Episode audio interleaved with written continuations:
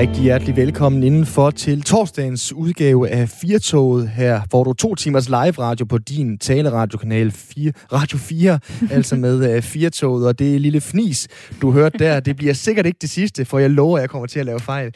Katrine Dahl, velkommen til. Du er min kære medvært i dag, og jeg er din kære medvært, Simon Brix Frederiksen.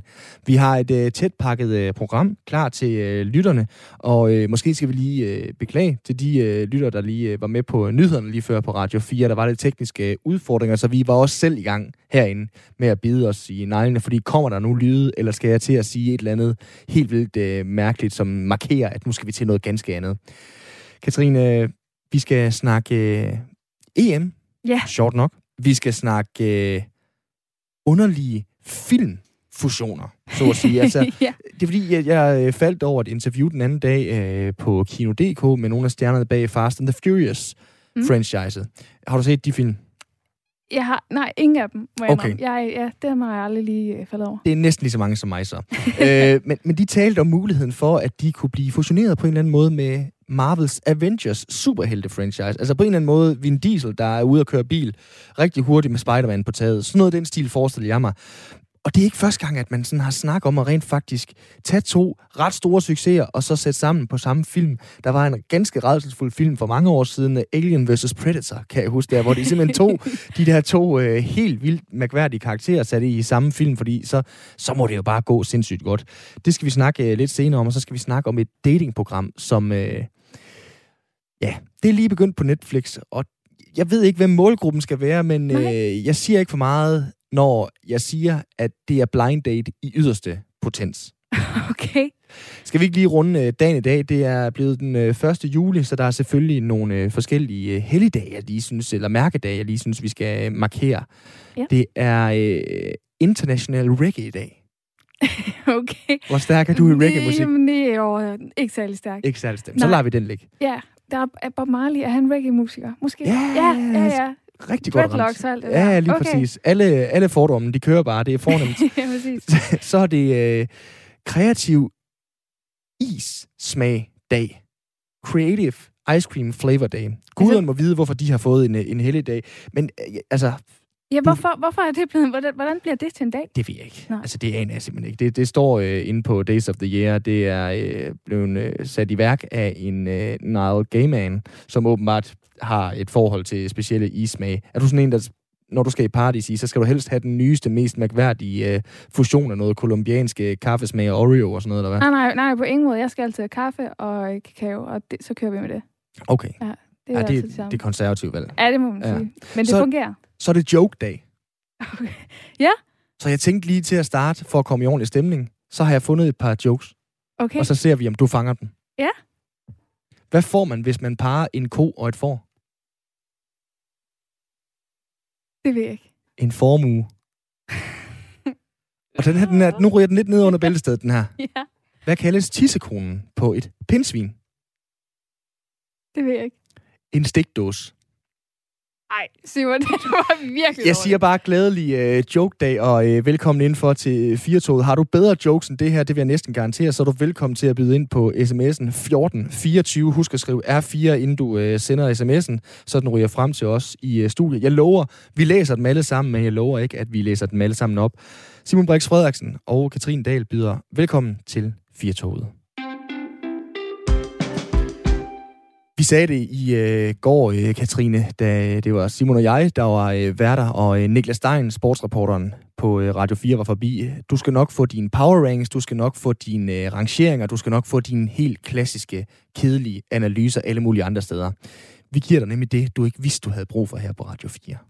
Ikke? Ja. Så vi lavede en hipsterliste over de største hipsterspillere til EM indtil videre, og tænkte, så kan du få en eller anden power rank alle mulige andre steder. Klip til 24 timer senere, hvor vi nu har fået øh, gæster i studiet. Dan Grønbæk, velkommen til. Jeg er glad for, at det er mig, I kalder ind på noget alt det kedelige, der skal laves, alle de andre. Tak for det. Jamen selv tak, selv tak. Men jeg jeg har tænker, jeg bedre der, vidtigheder, Simon. har du det helt, må vi høre? Nej, ikke lige nu. Nej, nej, nej, nej, nej jeg spiller ikke guld ud på den måde der. Det, nej, niks. Okay, den får nå. du lov til at stå helt alene med de der øh, pindsvin ting, du havde gang i der. Jamen jeg er glad for øh, dyre jokes. Forstår mm. du den? Altså ikke dyre jokes, men dyre. Nå, vi går videre, fordi det er public service, vi skal til. Øh, og jeg tænkte, også for Katrines skyld, så laver vi simpelthen en power rank af de otte tilbageværende hold til, til EM, så selv Preben Melka, han bliver øh, misundelig. Og der er jo ikke nogen bedre til det end dig, vel, Dan? Øh, nej, altså nu har jeg jo ikke... Jeg, jeg har jo ikke altså, hvis man havde tv-pundit, en af dem, der står på de der kampe der, de er jo filmet gode til det. Altså, de har jo grafikker og alt muligt andet værk. Det har jeg jo ikke. Jo bare en uh, stakkels public service ansat radiojournalist, så på den måde så er det noget mere downgraded, men altså, jeg kan da godt... Øh, jeg får da set lidt fodbold i de her dage, kan man sige. Ja, gør du ikke det? Og det gør jeg. Jeg har misset 46 minutter af Tyrkiets første kamp. Okay. Så på den måde, så er det jo... Ja, der gik du ikke okay. glip af så meget. Nej, det, nej, det har jeg generelt så tror jeg ikke, man er gået så glip af så meget, hvis man har set Tyrkiets kampe. Det skulle lige være nogle mål for modstanderne måske. Ja, lige præcis. Men, øh, men altså, det er sådan det, jeg har misset indtil videre, så har jeg faktisk fået set det hele. Og det er faktisk den første slutrunde nogensinde, hvor det jeg lykkedes med. Okay, jeg skulle lige sige, det eneste, du misset, det er jo så nærmest, øh, hvad hedder det, Andrea Bocelli, øh, der øh, sang Nessun Dorma lige inden, at Tyrkiet mødte Italien, men øh, det var lidt af et højdepunkt. Ja, okay. Pr- ja. Primært for Tyrkiet. Vi skal lige til det, Dan. Vi kan, tage, vi kan lige tage at rise op øh, for god ordens skyld. Øh, kvartfinalerne i morgen kl. 6, der er det Schweiz mod Spanien, der bliver spillet i St. Petersborg. Derefter kl. 21 i München, der er det Belgien mod Italien. På lørdag, der er det øh, surprise, surprise breaking. Danmark mod Tjekkiet. De spiller den kamp kl. 18 i Baku, og så er der Ukraine, England som rosinen i pølseenden, som spiller kl. 21, der hvor det hele startede, nemlig i, øh, i Rom. Ja. Jeg, jeg vil næsten bare spørge dig, Dan, hvordan skal vi øh, lægge den ud? Skal vi starte fra bunden eller i toppen, når vi snakker power rank? Altså det her med at rangere, hvem der har været bedst, hvem der er de største favoritter og de mindste favoritter indtil øh, nu af de otte tilbageværende hold. Altså det eneste tidspunkt, hvor en power rank bliver rigtig interessant, det er jo, at man ligesom ser, hvor man kigger på dagsformen. Altså hvor man kigger på formen igennem de seneste kampe og siger, hvor, hvor står de her hold henne nu, efter vi har lært dem lidt at kende efter fem kampe til en slutrunde. Fordi er der noget, man kan være helt sikker på, så er det alle de der forudsigelser, der kommer ind i EM på, hvordan det kommer til at gå. Sådan noget, de ryger alle sammen i skraldespanden. Mm. Altså på et eller andet tidspunkt i løbet af turneringen. Spørgsmålet er bare, hvor langt vi kommer inden. Og, og det, det har det jo også vist nu her. Altså, mm. der er jo Frankrig røget ud til Schweiz, blandt andet. Mm. Øh, vi har Sverige, der leveret øh, rigtig flotte resultater i deres gruppe. Vi havde Ty- Tyskland, der var lige ved at ryge ud allerede i gruppespillet. Altså, der kommer overraskelser. Og derfor så er power ranking er interessant, der hvor man ligesom siger, hvem står bedst på nuværende tidspunkt, ud fra de kampe, vi har set dem spille, og ud fra de skader, der er i truppen. Mm. Så, så jeg synes, at vi skal starte fra toppen. Lad os gøre øh, på nuværende tidspunkt. Mm. Altså, jeg har taget Italien på, som øh, det højst rankede hold i de her kvartfinaler. Øh, de har også den sværeste kamp. De skal møde Belgien, som jeg har på andenpladsen. Okay. Men Italien er bare kommet sindssygt godt fra land. De står rigtig, rigtig solidt på fodboldbanen. De er ikke så italienske i deres spil, som de har været ved mange slutrunder. Mm. Er begrebet. Altså, de spiller faktisk en offensiv, relativt flydende omgang fodbold nu med et højt pres og med nogle relativt kreative spillere, der får frit løb. Øhm, så har de haft nogle, nogle rigtig stærke spillerpræstationer. Også nogle spillere, man ikke regnede med skulle levere, har været rigtig gode. En, en Locatelli har været god. Øh, der er kommet folk ind fra bænken, der har gjort rigtig godt Pessina, mm. flere kender. Altså, det har set rigtig, rigtig godt ud, at det er spillere, der har leveret, som man ikke havde tænkt var nødvendigt, at de leverede på nuværende tidspunkt. Men det gør de. En Federico Chiesa jeg håber jeg også at få meget mere at se til i både kvartfinale og semifinale, hvis de kommer så langt. Så Italien har sat til at stå bedst. En lille bitte ting. De har haft hele truppen i spil, undtagen tredje keeperen. Mm. Det viser lidt om, hvor meget overskud der var i den sidste gruppekamp, men det viser også lidt om, at hele truppen er i omdrejninger på nuværende tidspunkt. Men øh, det viser vel også noget om, at øh, de har kunnet tillade sig at bringe hele truppen i spil, eller hvad? Altså har Italien, at de her næsten otte tilbageværende hold, haft den øh, nemmeste vej til en, øh, til en kvartfinale. Jeg ved godt, de var i forlænget spilletid mod, øh, mod Østrig, men de imponerede jo ikke lige frem i gruppespillet. Nej, men de fik, altså, de fik, altså, de fik uh, kamp til halsen, må man sige, hvad det nu hedder, i, i, uh, i 8. delsfinalen mod mm. Østrig, altså fik lov til at kæmpe for det. Men det lykkedes jo også for dem. Altså, de spillede også stadig en, en fin kamp, og man ved jo for de her hold, at der kommer en downkamp i løbet af hans slutrunde, og det kan godt være, det der ved mod Østrig. Og så får man justeret nogle ting efter den. Så på en eller anden måde, så er det ikke det værste at have den der kamp, hvor du skal uh, battle dig selv igennem det. Og i og med, at de har haft hele truppen i spil, jamen, så er de måske heller ikke helt lige så påvirket af, af at at det har været en hård, lang øh, kvartfinal, for, eller 8. final for dem. Så har vi... Ja, det er den moralske finale, du jo nærmest har øh, opstillet nu i en kvartfinal, hvis du siger, at Belgien er nummer to. Ja, i forhold til styrke lige nu i hvert fald. Mm. Altså, fordi Belgien har jo været rigtig, rigtig stærk, men, men jeg har faktisk været meget i tvivl om, hvor Belgien skulle ligge henne på den her liste, fordi vi så i kampen mod Danmark også, at et, et, et hold som Danmark kunne sagtens holde Belgien stangen. Mm-hmm indtil de satte Kevin De Bruyne på banen.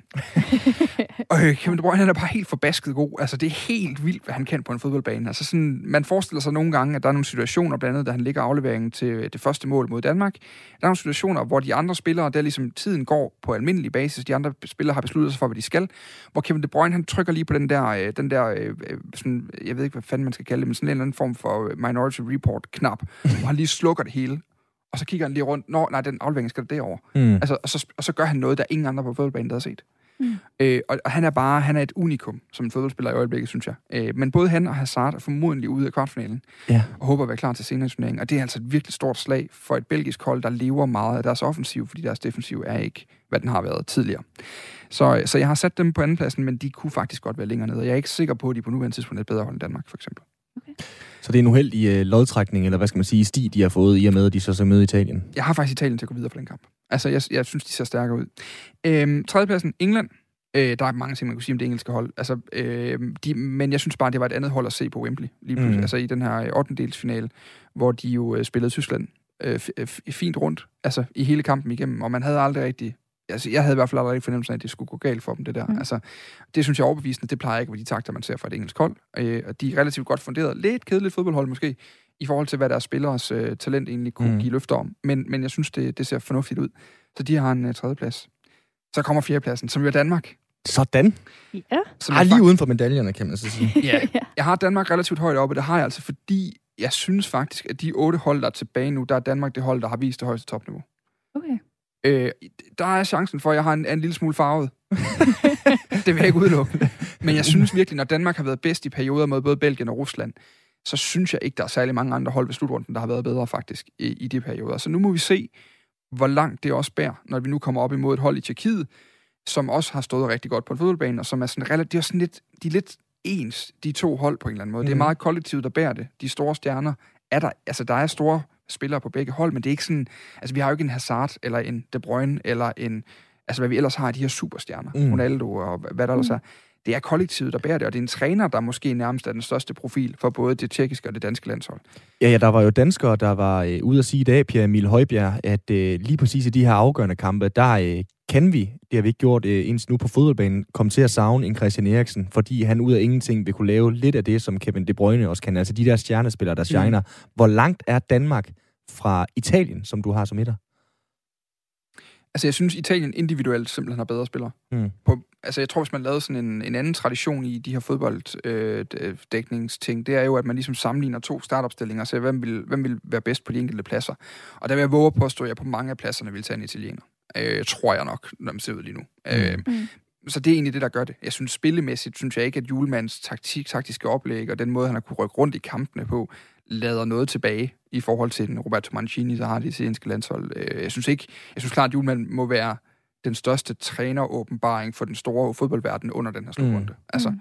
den måde, at han har vundet kampe fra sidelinjen øh, mod både Rusland og, øh, og også, øh, også i, i, i 8. mod, mod Wales, hvor vi kæmper med det, indtil Mm. han laver en ændring på banen.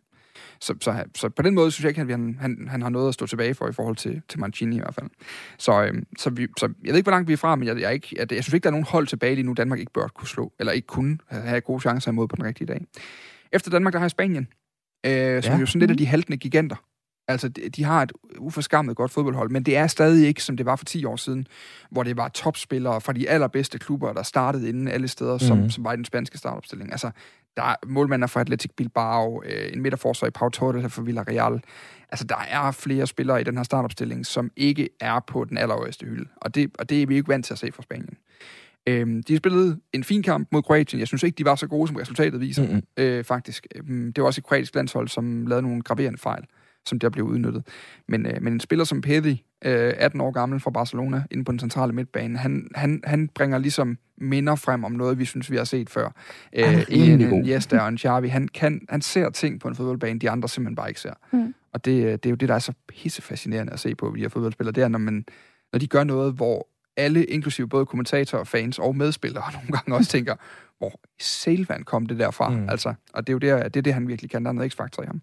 Ja, de slog jo øh, VM-sølvvinderne Kroatien øh, ud i en kamp, som, som jeg så og, og tænkte, det er egentlig ikke en, øh, hvad skal man sige, en velspillet fodboldkamp. Altså, jeg synes ikke, nogen af holdene spillede decideret godt. De havde bare øh, et rigtig, rigtig højt tempo, og der blev lavet nogle graverende fejl, som gjorde kampen underholdende. Sekvenser var det godt, Ja. vil jeg sige. Ikke? Men, men uh, overall synes jeg ikke, at jeg så et kampoplæg for nogle af holdene, hvor mm-hmm. jeg sådan sad og tænkte, hold da op, det har de styr på det her. Mm. Øhm, Men nå, du, du sætter dem alligevel over Schweiz, som jo formåede at slå Frankrig ud. Ja, og det gør jeg egentlig ud fra, altså vi kommer lidt til, for der kommer nogle interessante øh, situationer med de sidste tre hold nu. Mm. Tjekkiet har været rigtig gode. Og dem mm-hmm. har jeg som på, på plads nummer, plads nummer 5, må det så være, ikke? Øh, efter Dan- Seks. 6 må det være efter, efter Spanien. Men, men de har været rigtig gode, men de har også brugt de samme spillere. Mm-hmm. Og det er et hold, der... Jeg er lidt i tvivl om, hvor gode altså den populære, den 12., og 13. og 14. mand egentlig er. Øh, men de 11, der starter inde, de er sat ned med gode. Altså, og de står rigtig godt, og de har altså en lidt en tjekkisk julemand ude på bænken øh, i, i Sehawi, som virkelig kan ændre nogle ting. Altså, som har et spændende hold, som spiller meget højt pres, som var virkelig fart over feltet, når de spiller. De har en vildt god angriber i Patrick Schick, vildt god central midtbanespiller i Thomas Suchek, og så har de en højre bak ved navn øh, Vladimir Kufal, som man i den grad skal kigge efter. Altså, fordi han kan altså nogle ting ude på den der højre kant. Og ham kan vi godt få store problemer med. Jeg har allerede fået mere at vide om Tjekkiet, end jeg har gjort hele ugen. Ja, altså han kommer til, men Kufal, det, han kommer altså til at spille over for Joachim Mæle. Joachim Mæle, han er fantastisk, men han er del med også tit med frem. Mm-hmm. Og hvis der er plads bag ved ham, så kommer Kofal til at bruge det. Altså, fordi han, er, han er bare lige så god som Mæle til at komme frem af banen. Er, er det kampen i kampen så, eller hvad? Det tror jeg umiddelbart godt, det kunne blive. Og så hvordan vi håndterer, når Suchek han kommer øh, frem og støtter op omkring Schick, og, og der kommer høje bolde ind i feltet. Mm. Fordi Suchek, han er sådan lidt en øh, tjekkisk fælder inde i, ikke? For dem, der Mm. øh, har set britisk fodbold igennem mange år. Sådan en kæmpe høj midtbanespiller, som er god i pasningsspillet, men som altså også øh, laver nogle hovedstødsmål, og ganske mange af dem endda. Men for lige at tage de sidste, så efter dem kommer Schweiz til Ukraine. Og hvem der lige er bedst af de to, det synes jeg er svært at sige, for det er to hold, der har brugt startelveren hele vejen igennem stort set. Mm. Og, det vil, og de har begge to været ude i lange kampe i 8. Det svejtiske hold så usandsynligt brugt ud de sidste 10 minutter mod, øh, mod Frankrig. Altså, der var virkelig tømt i alle lager, kunne man se. Så hvor langt de er kommet inden en, en kvartfinale nu, øh, hvor, hvor de jo altså skal op mod, øh, mod Spanien, det synes jeg ser interessant ud. Altså, øh, det samme med Ukraine. Altså, de der spillere, de lignede jo også, altså, det, det, det så virkelig ikke kønt ud til sidst. Altså, det var mm. nærmest krampe på krampe Mm. mm. og skader hele tiden, og øh, det er altså virkelig nogle brugte fodboldhold nu, som har 11 fine spillere, og som ikke har den samme kvalitet at sætte ind for bænken. Jeg ved godt, han afgør kampen mod Sverige, men altså ham, der kommer ind og afgør kampen, det er Artem Dovbik, der hverken kunne komme på holdet i Sønderjysk eller FC Midtjylland. Altså, så, så, så, højere kvalitet taler vi altså ikke om i Ukraine. Så dem har jeg nederst. Så øhm, Et eller andet sted, Dan, vi, vi har jo Frankrig ude, som Katrine også fik sagt, øh, slået ud af, af Schweiz på straffesparkskonkurrence, og Holland, der også øh, ja. Røg ud. Hvor, hvor meget er der blevet rykket, kan man sige, ved den her power rank, hvis du skulle have sat de otte bedste hold fra øh, 8. til så nu her kvartfinalerne? Altså, havde Frankrig været helt oppe omkring top 2, 3, 4 stykker, eller, eller hvor, øh, hvor har du set, øh, hvad kan man sige, Frankrig og Holland som forhåndsfavoritter? Holland har jeg ikke haft engageret særlig højt på noget tidspunkt, faktisk. Jeg synes, de har et fint hold, men jeg synes, de havde en dårlig træner. Altså, jeg synes Mhm. simpelthen ikke, det hollandske spil har været særlig stærkt. Det har været svært at se, hvad de gerne ville. Men det er jo sådan et hold, der hvis, hvis en Memphis Depay, hvis en Frankie de Jong, hvis en, og nu ved jeg godt, jeg bare sidder og kaster navne ud, og hvis han ikke, ikke lige er med i fodbold, så det, det er bare rigtig, rigtig store spillere. Mm-hmm. Og de store spillere har jo altså det der fantastiske ved sig, at de kan ændre fodboldkampe fuldstændig ligegyldigt af, hvad deres træner gør, eller hvad deres medspillere gør. Mm. Og hvis de har en god kamp, så havde de været svære at håndtere for enhver, for Mm. enhver modstander. Øh, men de havde bare ikke særlig mange gode kampe, altså, og der var ikke særlig meget at komme efter, så jeg synes ikke, det var så stor overraskende, de røg ud. Øh, derudover, så, øh, så synes jeg, at Frankrig...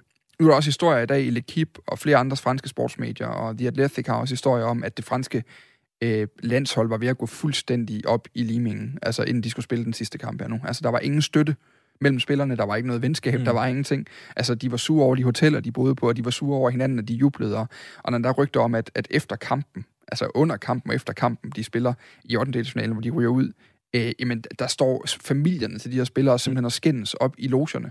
Altså, fordi de er sure på hinanden over, de er dårlige. Så det, altså, altså, det har jo ikke været verdens bedste grupper. Det er bare historien om det franske landshold på mange måder. Altså, sådan har det været ved mange slutrunder, øh, at der er så mange klikker på det hold. Så, så det er klart, at de var kvalitetsmæssigt, har jeg jo flere gange sagt i radioen, at det, de næste 26, efter de 26, der var udtaget fra Frankrig, de havde også nærmest været EM-favoritter, fordi der, talentmassen bare er så helt ekstrem Mm. i det Frankrig i de her år. Men, men, øh, men holdet så jo ikke, øh, havde jo ikke glemt vist de storhed, som i de der magiske 10 minutter mod Schweiz, hvor de vinder 0-1 til 3-1. Mm. Øhm, men, men, men over en hel kamp har de jo, har de jo bestemt lignet nogen, man godt kunne, øh, kunne spise, spise til middag og, og også komme hjem, komme hjem godt med. Franske frølår. Dan, du har øh, semifinaler nu. Spanien Som- og Italien i den Yes. ene, og øh, Danmark og England i den anden. Fordi England er jo det hold, øh, jeg tror, vi kommer til at kæmpe mest med. Og jeg vil sige, en semifinal mod England på Wembley, den bliver giftig.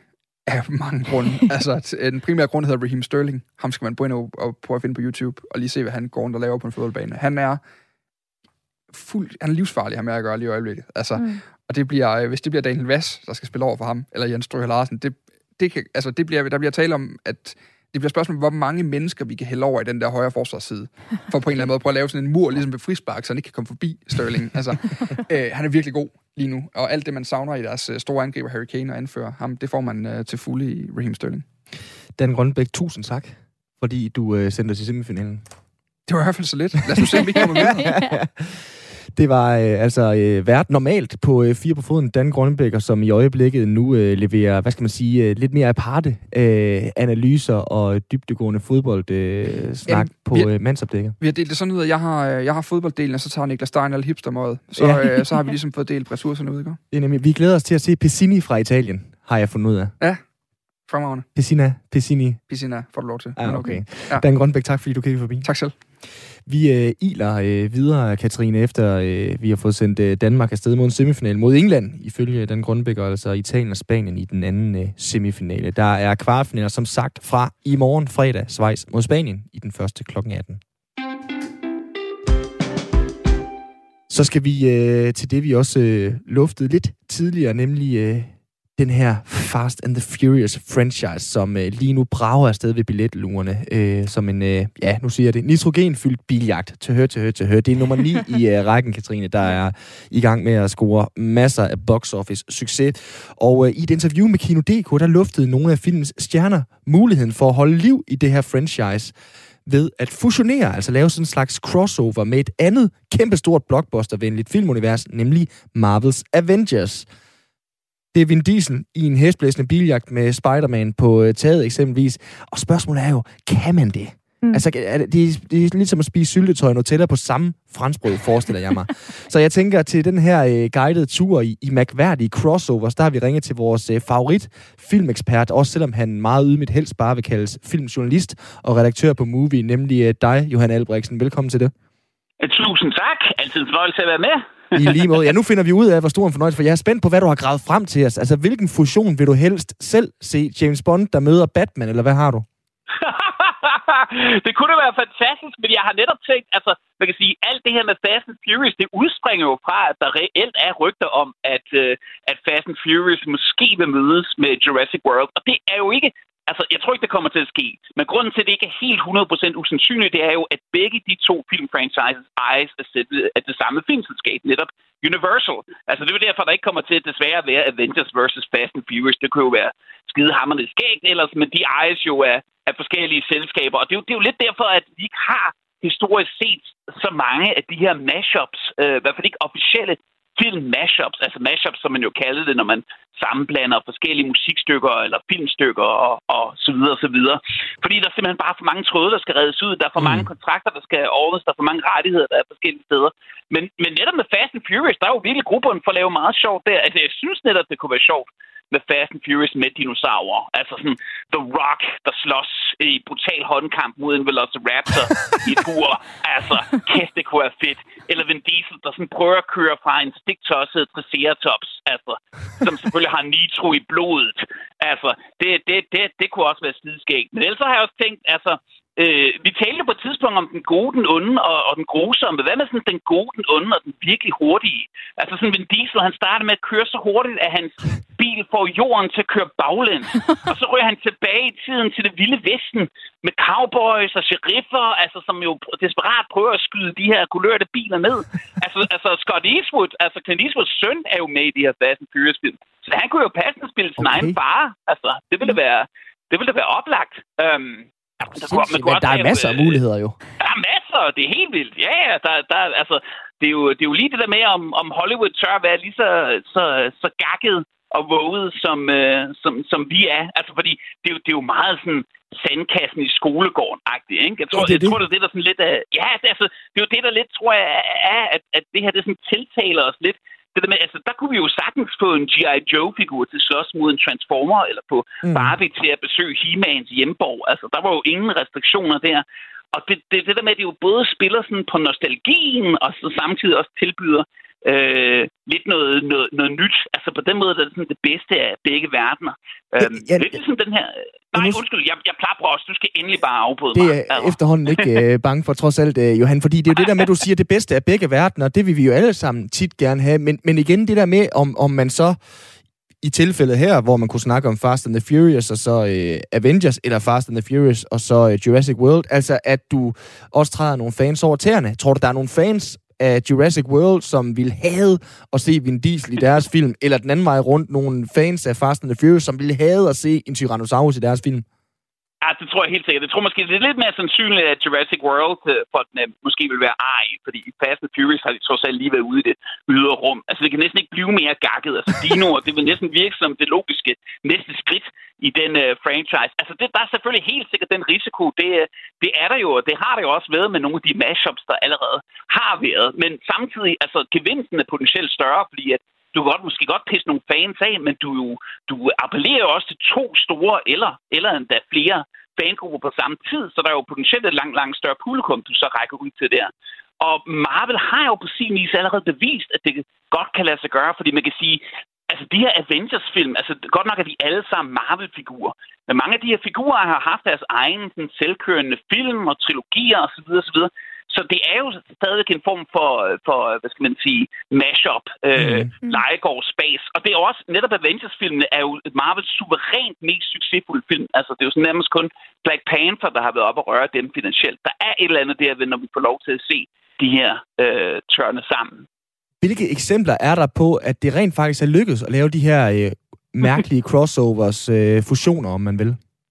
Jamen altså, øh, ja, altså en af mine sådan, øh, favoritter inden for sådan øh, nyere gyser og gyser komedier, det er Freddy vs. Jason som jo er med Freddy uh. Krueger, ham her fra Nightmare on Elm Street-filmene. Øh, en af de helt store gyser-fortællinger.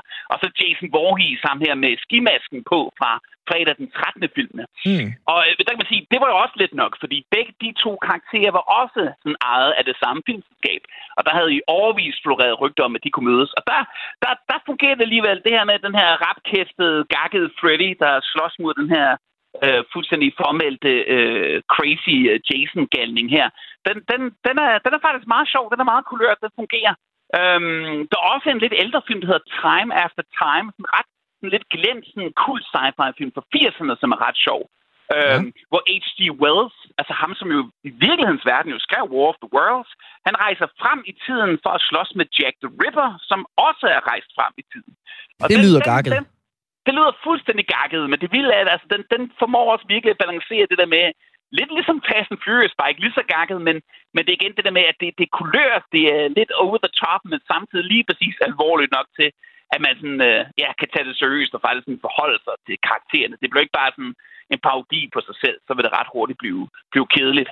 Og der er selvfølgelig også Alien vs. Predator, også et af de helt store mm. eksempler. Øhm, og som jo sådan lidt, kan man sige, blev, blev skabt lidt ved et tilfælde. Altså, det stammer jo fra, at den anden Predator-film fra 1990, der kommer der øh, Danny Glover, han kommer ombord på uh, Predatornes uh, rumskib til sidst. Og så kan man lige hurtigt se et, et kranje af et alien. Og igen, de ejes også af samme filmselskab, 20th Century Fox. Og så det affødte så helt vildt mange fanspekulationer, der blev lavet tegneserie, og så kom filmene, men der kan man sige, det er jo nogle helt igennem frygtelige film, de to, der blev lavet. Og de har netop pisset af både øh, fans af Predator og Alien-franchisene. En dag i en sådan grad, at de nye Predator og Alien-film lader som om, at de her film slet ikke eksisterer. De bliver slet ikke refereret til. Så, så opskriften er øh, først og fremmest, at de skal være ejet af det samme filmselskab. Så skal der være nogle øh, fans, der, der fusionerer den der øh, våde fandrøm med, med barnet i øh, børnehavens øh, sandkasse. Og så kan du godt øh, få det. Altså, der har jo lige været en ret stor film sidste år under corona, øh, Godzilla vs. Øh, Kong, som jo vel et eller andet sted gør det samme, eller hvad? Ja, præcis. Og man kan sige, det sjove er, at den, det, er jo, det er jo på en eller anden led også et remake. Altså, de har mødt hinanden før også. I 1963 kom der jo King Kong vs. Godzilla, så bare lige med flippet tegn, kan man sige. Og så ikke helt lige så vellavet. Altså, det er jo, det er jo sådan, det er jo sådan sjove gummikostymer mm. på sådan et lille, øh, lille sæt. Men altså, det har jo også lidt sin, øh, sin charme. Men, øh, men helt sikkert, altså, det, det kan man sige, det er jo sådan et øh, ærke øh, amerikansk øh, filmmonster i King Kong mod et ærke japansk filmmonster. Det er jo også interessant, sådan, det kulturelle clash der. Men det er også, altså, det er jo netop også, det blev sådan det første sådan kæmpe store filmhit under corona, altså under pandemien. Altså den, den første film, der virkelig trak store folkemængder af biografen, både i Asien og Nordamerika og Europa. Altså bortset fra herhjemme, fordi der er jo en baserende konflikt, det er jo en helt anden historie, men biografejerne og filmselskaberne herhjemme, mm. Cinemas versus Movie Studios, det er ikke et lige så spændende mashup. Uh, men Godzilla vs. King Kong... Heller ikke lige så øh, fed en film. Nej, præcis. Jeg tror, det vil være lidt tør. Men Godzilla vs. Kong, jeg har desværre ikke fået den set endnu. Jeg har, den, jeg har fået den hjem fra, på Blu-ray fra England. Jeg glæder mig til at se den. Uh, men, men, og, og, jeg glæder mig til at se den sted, men det er også bare lyder altså, fuldstændig åndssvagt. Det er sådan en gigantisk abe, der slås mod sådan en gigantisk sådan, dinosaur, og bare slås med højhuse og kæmpe svære økser i halvanden time. Og, og, altså, men, men på en gang lyder det fjollet, og på den ene gang så lyder det også øh, fuldstændig uimodståeligt. Altså. Så det, øh, der, der, øh, altså, og man kan ja, det, der er jo altid igen, der er jo, de kan godt lide at spille det sikre kort i, det kort i Hollywood, og netop mm. når nu, at, øh, at det er nogle franchises, nogle karakterer, man kender, man ved, der har haft succes, så kan det godt være, at der kommer flere af dem her, også fordi mange af de filmmager, der jo laver de her film nu, de er jo vokset op i 80'erne og 90'erne med mange af dem her, og med netop det der legetøj i skolegården osv. Så de har lyst til at lave de her film nu. De kan overtale filmselskaber til at lave dem nu. Så Men, måske får vi flere slagsen. Ja, jeg skulle lige til at bede dig kigge i, i sporkuglen her, øh, her til sidst, Johan, fordi et eller andet sted har, har øh, Marvels Avengers øh, franchise jo også på en eller anden måde vist, at det her med at samle mange karakterer i øh, samme film, det kan godt lykkes. Altså det her store mashup, det kan godt lykkes. Så tror du, at vi kommer til at se de her øh, lidt mærkværdige øh, fusioner også i øh, fremtiden? Jamen helt sikkert, 100%. Vi kommer til at få flere og flere af dem. Nu er der jo flere og flere nye Marvel-figurer, der også blevet introduceret, og vi har også instruktøren James Gunn, ham der lavede Guardians of the Galaxy-filmene. Han har jo lige lavet en film for DC, det er jo dem, der har Batman og Superman, og han har sagt, at der faktisk har været diskussioner, han har haft med filmselskabet om, kunne man lave en DC versus Marvel? Altså det vil sige, at vi kunne se Spider-Man, der slås mod Superman, og uh, Wolverine, der slås mod Batman osv. Altså, det er ikke helt utænkeligt, så jeg tror, ud, jeg tror kun, vi kommer til at få flere og flere af dem her. Om de bliver bedre og bedre, altså det er jo ligesom med så mange ting, så, så, så kan det jo godt virke som om, det bygger op mod et eller andet peak, eller det bliver for latterligt, øh, og lige, man lige skal træde på bremsen igen, som, som de uh, sjældent gør i Fast and Furious-filmene. Men uh, ja, jeg er spændt på at se, hvad, se, hvad der sker. Jeg er sindssygt spændt på, om det bliver Jurassic World, eller om det bliver Avengers først og fremmest. Jeg øh, tænker at gå med din ekspertvurdering, at det bliver Jurassic World, øh, Johan. Det var vanen tro en fornøjelse at have dig med. Jamen lige måde, og tak for at invitere mig. Ja, selv tak. Johan Albrechtsen talte vi med her, altså filmjournalist og redaktør på øh, Movie.dk. Skal du se Fast and the Furious og Jurassic World sammen? Nej, fuldstændig. Og jeg har, jo, jeg har jo ikke set Fast and Furious, men jeg har set alt Jurassic World, så hvis, altså, alt, der kan komme der, det skal ja, ja, lige præcis. Ja, ja. ja jeg, kan stadig, jeg kan simpelthen ikke uh, se det for mig. Jeg er ikke særlig køndig ud i biler, og har heller ikke set ret mange Fast and the Furious-film, så det er måske derfor, at min joke med, med nitrogen den øh, gik øh, galt i starten, eller også er det fordi, jeg er dårlig til fysik i folkeskolen. I hvert fald har Michael skrevet ind, at øh, gassen gik lidt af din joke, Simon, og kvalte den, da du kom til at sige nitrogen i stedet for nitrooxid med venlig hilsen, Michael. Tak for det, øh, Michael. Så er der også øh, en hilsen fra Ulrik på øh, Nordfyn, der siger til både jer lyttere og til os, søg på Cadillac and Dinosaurs.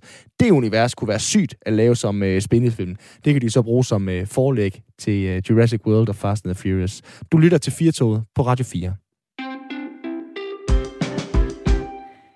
Simon, har øh, dit syn på venskaber ændret sig efter her under coronakrisen? Øh, har det det? Jamen, jamen, det har i hvert fald fået mig til at tænke over det. Øh, mm. Jeg fik om mit syn på venskaber har, har ændret sig, men jeg har reflekteret mere over, hvad, hvad det betyder. Øh, fordi jeg lige pludselig har været ude at gå en tur mm. med venner, som øh, jeg et eller andet sted bare øh, spiste chips eller drak øl med, eller gjorde noget helt tredje med tidligere. Mm. Ja, og det har, det jo, man har jo også tidligere jo bare hængt ud med alle, der lige var i ens omgangskreds, og lige pludselig så skal man jo altså, øh, mødes med de få, mm. og så bliver de få de nære, muligvis. I hvert fald ifølge en ny mikrofonmåling om venskaber her under pandemien, den viser, at corona har betydet færre, men vigtigere venner.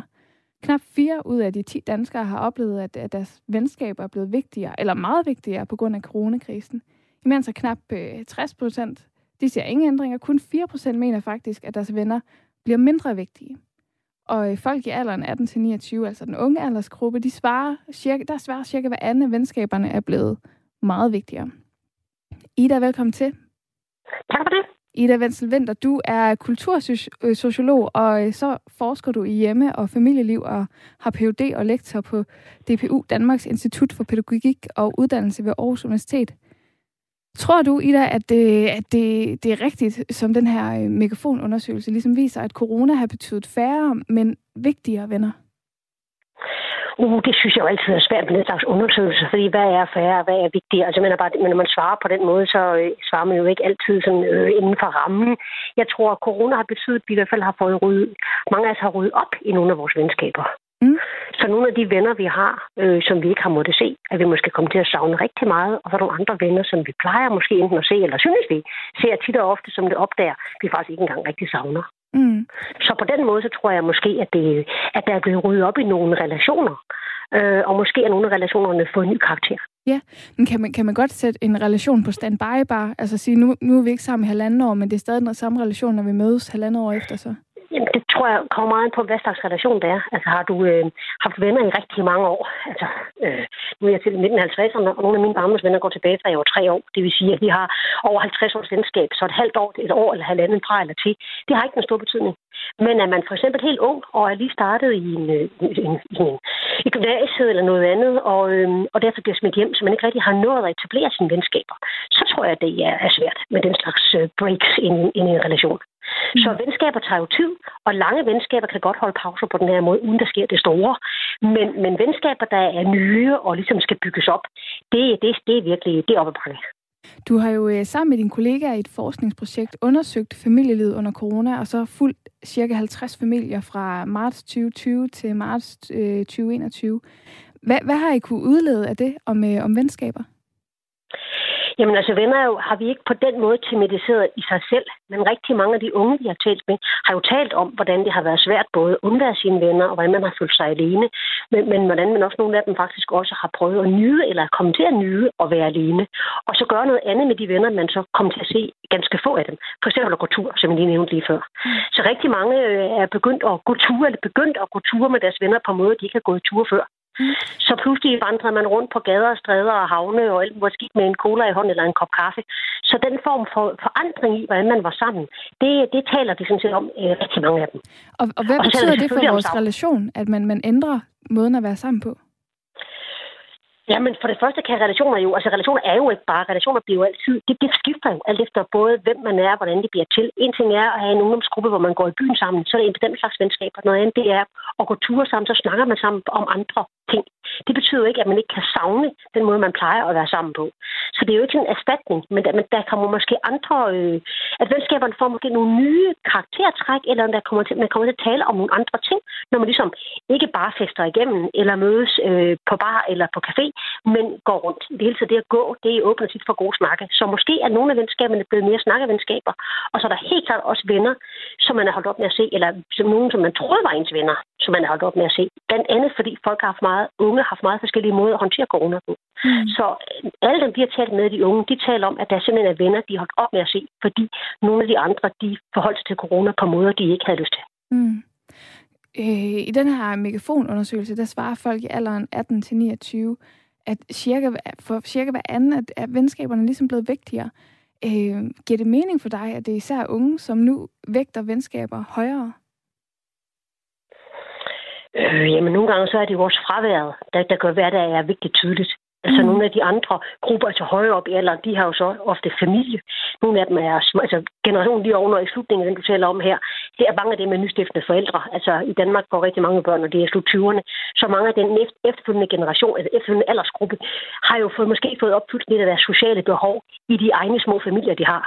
Men det, der jo er særligt kendetegnende for den her aldersgruppe, 15-29, øh, eller den gruppe her, i hvert fald de 15-20-årige, som er primært dem, vi har set på, de er blevet kastet hjem mange af dem i den her aldersgruppe, der plejer man jo at gå ud, når man er det alder. Der skal man afsted, og der skal man ud i verden, og der skal man ud og i weekenden. Man skal alt muligt væk hjemmefra, når man lige præcis er i den aldersgruppe. Nu er der jo sket det, at man er blevet kastet hjem igen. Så lørdag efter lørdag har man siddet derhjemme. Og det er måske ikke lige det, man havde tænkt, når man var 15, 16, 17, 18 år. Og så kommer vennerne til at betyde rigtig meget. Både i fraværet af vennerne, det man gerne ville have været sammen med, alt det man tænkte, man kunne have lavet sammen med vennerne. Altså alt det får jo fylde på måder, når det ikke er. Så det synes jeg er klart. Mm. Du, har også, du har været lidt inde på det i forhold til, at øh, når man kommer op i en vis alder, så har man jo nogle venner, man har haft i mange år, og øh, har haft mulighed for at pleje. Det har den unge aldersgruppe ikke på samme måde. Altså, er det, er det sværere for unge at bevare venskaber? Jamen igen kommer det jo igen på, hvad slags venskaber det er. Altså mm. sprøde nye venskaber handler ikke om at bevare, det handler om at etablere. Så der er jo forskel på, om noget bevares eller etableres. Og rigtig mange unge, netop når man er 15-16, så skifter man man går fra at være, man er jo ikke, man er jo, lang tid har man været teenager, men man går fra at være teenager til faktisk at blive rigtig, rigtig ung. Og måske starte i gymnasiet, starte på HF, starte på en øh, erhvervsuddannelse. Og der får man jo nye kammerater, og nogle af dem bliver til ens venner. Alt det er svært på Zoom eller Teams, eller hvad det er, man har været på. Så der handler det om at skulle etablere sig. Når man længere op i aldersgrupperne, så har man måske nogle venner, og så skal man jo ikke etablere på samme måde. Der er der, selvfølgelig kan man godt få nye venner hele livet igennem, men rigtig mange har jo venner, som følges med det i mange år. Så det handler om, som du sagde tidligere, at pleje, eller bevare, eller acceptere, at nu ser vi ikke hinanden så tit, og så snakker man i telefon måske, eller finder ud af at gøre noget andet. Men, men lige præcis den her 15, 16, 17-årige aldersgruppe, der er rigtig mange af dem, som skal etablere nye venskaber, skabe sig selv på ny, væk hjemmefra, måske væk fra deres folkeskoleklasse, væk fra fodboldbanen, ind i musikverden, ud til noget andet. Og der har man lige været i gang med at forme sig selv og blive til på ny, og det har corona i høj grad bremset. Mm. Tror du, at, det, at vi fortsat i årene frem altså skal, skal øh, prioritere og vægte venskaber højere? Hun så ikke det er, jeg bliver altid bekymret, når man taler om et vi. Fordi hvem er det, vi taler om ja. her? Øh, er det bare unge som sådan? Det er godt nok en stor gruppe at tale om. Også bare de 15 til 29. Bare den aldersspring er jo kæmpe stor. Der er forskel på, når man er 15 og 29. Jeg kan ikke forstå, at megafon spørger på den måde. Altså, det er jo et altså, dårligt spørgsmål, vil jeg sige. Ikke dit, men megafons. øh, om vi vi skal trække igen. Det her bliver jeg også målløs, fordi vi, hvem er vi? Er dig eller mig? Eller hvem tager lytterne? Altså, hvem er det? Nogen vægter deres venner, nogen plejer deres venner, nogen har ganske, ganske få venner, nogen har rigtig mange, som man måske mere vil kalde kammerater, nogen har venner på Facebook, som bare er en såkaldt ven. Altså, jeg tror, at vi bliver blevet meget opmærksom på, at sociale relationer er super vigtige. Og sociale relationer i fysisk form, hvor man ser hinanden, gør noget med hinanden, det er blevet meget vigtigt. Hvor mange man har, hvordan de er, det er jo forskelligt for os alle sammen, person til person. Tak fordi du var med her, Ida Wenzel Vinter.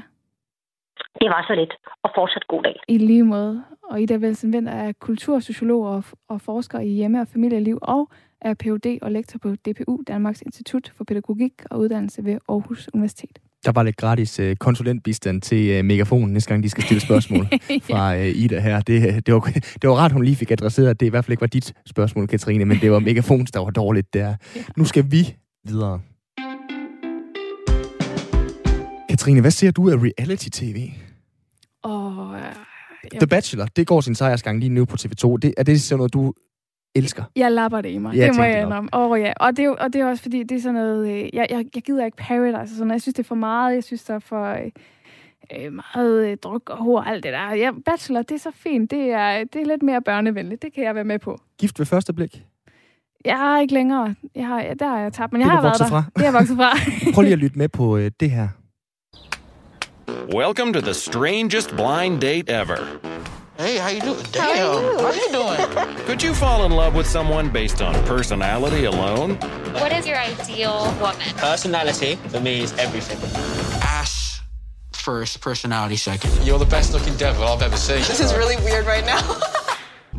There's interspecies ja. relationships. Vi skruer lige lidt ned. Altså, det er øh, helt suverænt, men det er også lidt utaknemmeligt at høre i radioen, det her. Det er Sex Beast, som er et nyt øh, datingprogram på Netflix. Og øh, i tv-mediets forunderlige verden, som vi jo alle opslås af, der er øh, Netflix altså på banen med det her koncept, som er et blind date-program, hvor deltagerne virkelig blind dater. Fordi de er nemlig maskeret til ukendelighed via makeup og proteser, så de ligner dyr. De ligner dyr, den er god nok.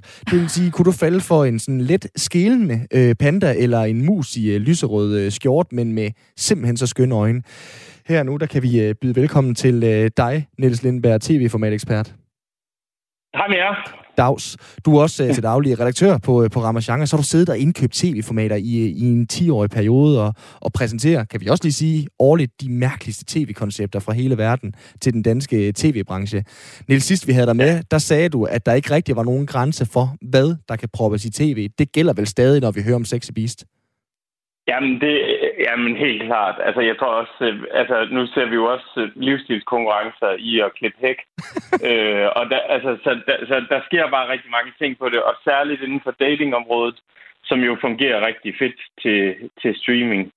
Øh, og det her, det er jo bare, det er jo bare fedt at se, at alle de her ting, som jeg så sidst jeg var igennem, der talte vi om uh, The Masked Singer, mm. som jo ligesom går sin sejrsgang rundt omkring i verden. Her har de taget et, et gammelt format fra fra England, og så ligesom introduceret det igen, fordi masker, det bare går sin sejrsgang lige nu. Og det er bare sjovt at se, altså en øh, delfin, der skal sidde og vælge mellem øh, altså et, øh, en kentaur og et fugleskramsel og øh, en mus og stå og krænge sit hjerte ud. Niels, gad du godt, at du havde købt det her til Danmark, for eksempel? Jamen, det har været, det har været meget fedt. øhm, jeg tror, altså, jeg tror, det sidder bedre nu.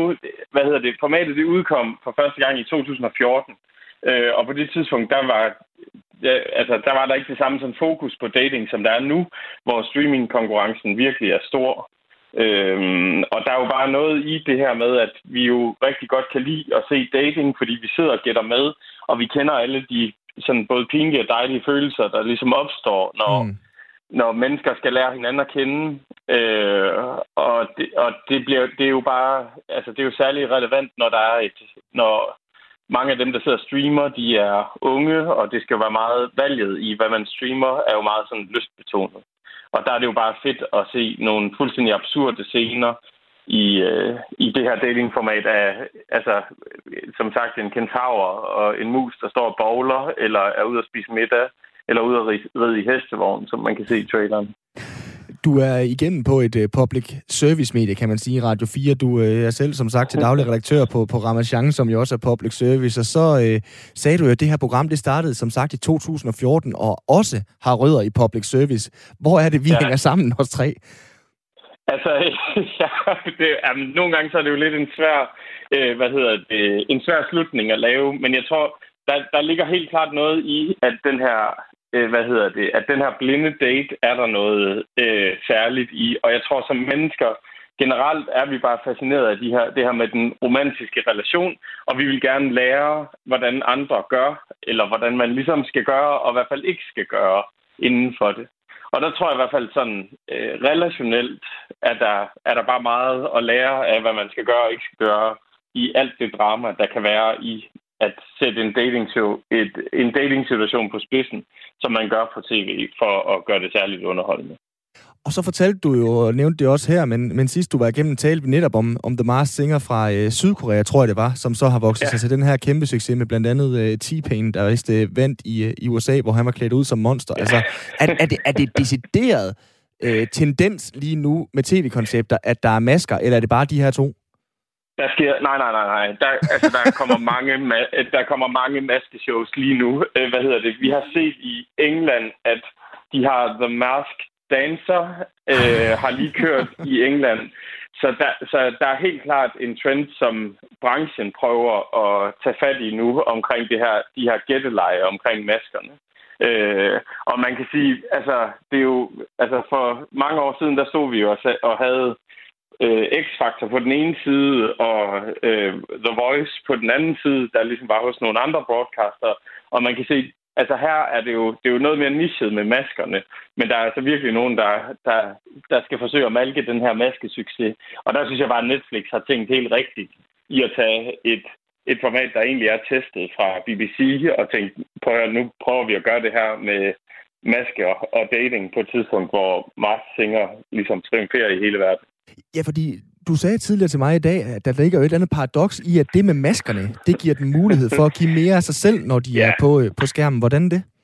Ja, ja, men det er jo, altså, det ved jeg ikke, det er jo meget, på en eller anden måde er det jo både absurd og taknemmeligt, at de har, mas- har, har de her masker på, men det, som jeg tror, man bilder sig ind, det er jo i hvert fald, at de kan sige nogle lidt andre ting, og måske har mulighed for at være lidt vildere, end de plejer, fordi de ligesom ikke har hvad hedder det, fordi de medvirkende ikke har deres øh, udseende ligesom at prale med. Mm. Og så er de jo tvunget til igennem det greb og øh, hvad hedder det, eller igen, i den, den måde at fortælle en historie og øh, opføre sig særligt øh, i øjenfaldene, hvis man ligesom skal vælges, øh, udvælges til det her format. Og det, og det er jo, altså i bund og grund, så er det jo ligesom det gamle, gode gamle øh, format, der hedder knald eller fald, øh, eller The Dating Game, som ligesom stammer fra USA i 60'erne øhm, hvor der er en, der er ligesom en person, der kommer ind til tre bejlere og skal vælge imellem dem, uden at kunne se dem. Her der er det bare fortalt endnu mere absurd, end det er i det klassiske studie med med kor og, øh, og, og alle mulige mærkelige spørgsmål og prøvelser. Jeg elsker den her snak. Altså, det, viser, det hviler simpelthen på et, øh, på et gammelt fundament fra øh, 60'ernes USA, det her. Jamen, det er jo samme, det er jo samme motor, det er jo et andet, det er jo, det er jo et andet format, fordi der er nogle masker og sådan noget, men det er jo, det er jo helt, det er jo, sådan teknisk set er det jo det samme, man skal igennem. Mm. Øh, og det samme med, at der ligesom kommer en deltager ind og skal vælge mellem tre, og til sidst skal tage en, sådan en hjerteskærende beslutning, om det så er hvad hedder det, om det er musen, eller kentauren, eller delfinen, eller øh, hvad hedder det? Dilemmaer, vi alle kender. Ja, ja, de gode gamle, den gode gamle kentaur, vel. Det, det er præcis. Hvad er det mærkeligste datingprogram derude? Øh, altså, jeg tror, det her, det, det, det, må, det må næsten tage øh, medaljen lige nu. Okay. Øh, det er, altså, det er, det er virkelig, det er virkelig særligt. Øhm... Og det er, jo, det er jo Netflix, der, der, der ruller med Sexy Beast. Øh, ja. Generelt så siger du jo, at streaming, de også gerne vil vise de her datingprogrammer, de her øh, reality-programmer. Ja. Og nu er jeg jo ja. ikke ekspert, det er du heldigvis, Niels. Men jeg synes jo, det virker helt ulogisk for mig, fordi den der The Reveal, øh, det er jo noget, man ligesom kan se frem til. Jeg kan se den øh, torsdag aften, Paradise Hotel. Katrine kan sidde hjemme hos sig selv, min medvært, og også se det samme øh, Reveal, og så kan vi snakke om det dagen efter. Hvorfor er det, at øh, streamingtjenesterne, de gerne vil det her, tror du? Jamen, jeg tror, altså, de vil jo lige så gerne presse os til, at vi skal se det hele samtidig. Og hvad hedder det? Jeg tror, der er rigtig mange samtaler, når man taler privat omkring streaming, der ligesom handler om, hey, har du set den nye serie fra, eller har du set det nye på Netflix, eller HBO, eller TV2 Play, eller TV? Øhm, og så starter det lige så stille på et andet sted. Så jeg tror bare, som forbruger, der behøver man ikke at sidde klar til det. Så det, det, er, jo en, det, det er jo i virkeligheden bare noget, noget teknisk hvor de har, ikke, de har ligesom ikke en flowkanal at arbejde på, mm. men de kan sagtens starte samtaler. Og det gør de ved at lave sådan særlig godt eller særlig højt råbende indhold. Og det, det gør jo også bare, at mange af de tv-formater, hvor man sad og tænkte, altså for 10 år siden, så jeg tænkt, det, det er sgu for mærkeligt til at komme ind i Danmark, eller øh, ind i USA, eller ind i Norden det larmer bare tilpas meget nu til, at man begynder at grave de der, øh, de der gamle, helt skøre formater op. Og det er jo bare, altså som seer er det jo bare fantastisk, fordi jeg tror, vi har alle sammen siddet og grinet af øh, japanske gameshows, men virkeligheden er jo, at de er jo nærmest ikke absurde. Mange af dem er jo nærmest ikke absurde nok mere, øh, fordi vi bare gerne vil have noget, der, der stikker ud. Øh, og det, det synes jeg bare er mega fedt. Altså. Prøv at høre, det stikker i hvert fald ud. Øh, det her, det øh, lyder også det til, det stikker lidt af. Øh, Niels Lindberg, tusind tak, fordi du var med her. Det er godt. Jamen, tak for det. Selv tak. Altså tv-format ekspert her i Firtoget og til daglig redaktør på, på Ramachan, og ja, har siddet og indkøbt sådan nogle uh, formater her. altså, i sådan top 3 over øh, jobs, jeg godt gad at have, så astronaut, fodboldspiller, så gad jeg med også godt sidde og købe sådan nogle tv-koncepter ind. Lige øh, se en omgang Sexy Beast, så kan du lige se et øh, koreansk øh, gameshow, hvor de øh, hopper ud fra en 10 meter og skal nå at fri inden da, eller et eller andet helt syret. Jeg, jeg er målløs over, hvad man kan proppe i fjernsynet, men øh, ja, som der blev sagt, der er ikke nogen grænser. Nej, Skal du se det her? det, det kan jeg vist ikke komme udenom. Og det er også det, de tager jo det her altså, gode format, som et datingprogram jo mm. er, og så skruer de bare på alle knapper, hvor det så bare bliver helt sygt at se på. Altså, det, jeg skulle se sådan en rev med sådan, altså, for en dæmon, eller hvad det nu er. Jeg kan ikke lige se romantikken i det, men altså, der er jo nok et eller andet øh, smukt koncept bagved det. Jamen, nu kommer jeg jo til at tænke på, i og med at du siger en rev over for en dæmon. Det, det, der må jo være et eller andet antropomorft øh, hvad hedder det, tiltrækning ved det. Lidt ligesom når man synes, at Disney-karakterer øh, så har man lavet studier af, at for eksempel nogen synes, at Lady Marion i Disneys tegnefilm som rev er tiltrækkende for nogen. Ja. Altså, om, om det er det samme, der er i spil her, om det er bedre for mig at date dig, hvis du er klædt ud som mus, kontra hvis du er klædt ud som tiger. Altså, jeg ved det ikke, det havde været. Og hvis man tager det med ind i forholdet, altså hvad hvis man så ser personen og kommer frem til, ej, jeg vil egentlig hellere have, at du, du ligner en mus. Ej, det vil være trist, mand. Åh, oh, er du sådan en rigtig rotte i dag? Der? Jamen, det har jeg faktisk også været. Det var sådan, vi mødte hinanden der. Der er virkelig mange gode øh, snakke hen over, ja, hen, øh, hen over en øl. Du lytter til øh, Firtoget på Radio 4. Vi kunne snakke øh, rigtig længe om øh, det her, Katrine og øh, jeg. Vi kommer til at snakke rigtig længe. I den næste time af øh, Firtoget, der skal vi blandt andet forbi øh, malaria, som øh, efter 70 år er øh, en saga blot sætter ud til i øh, Kina. Det er jo meget positivt, når nu vi står midt i en øh, pandemi, at øh, sådan noget som vacciner, det virker.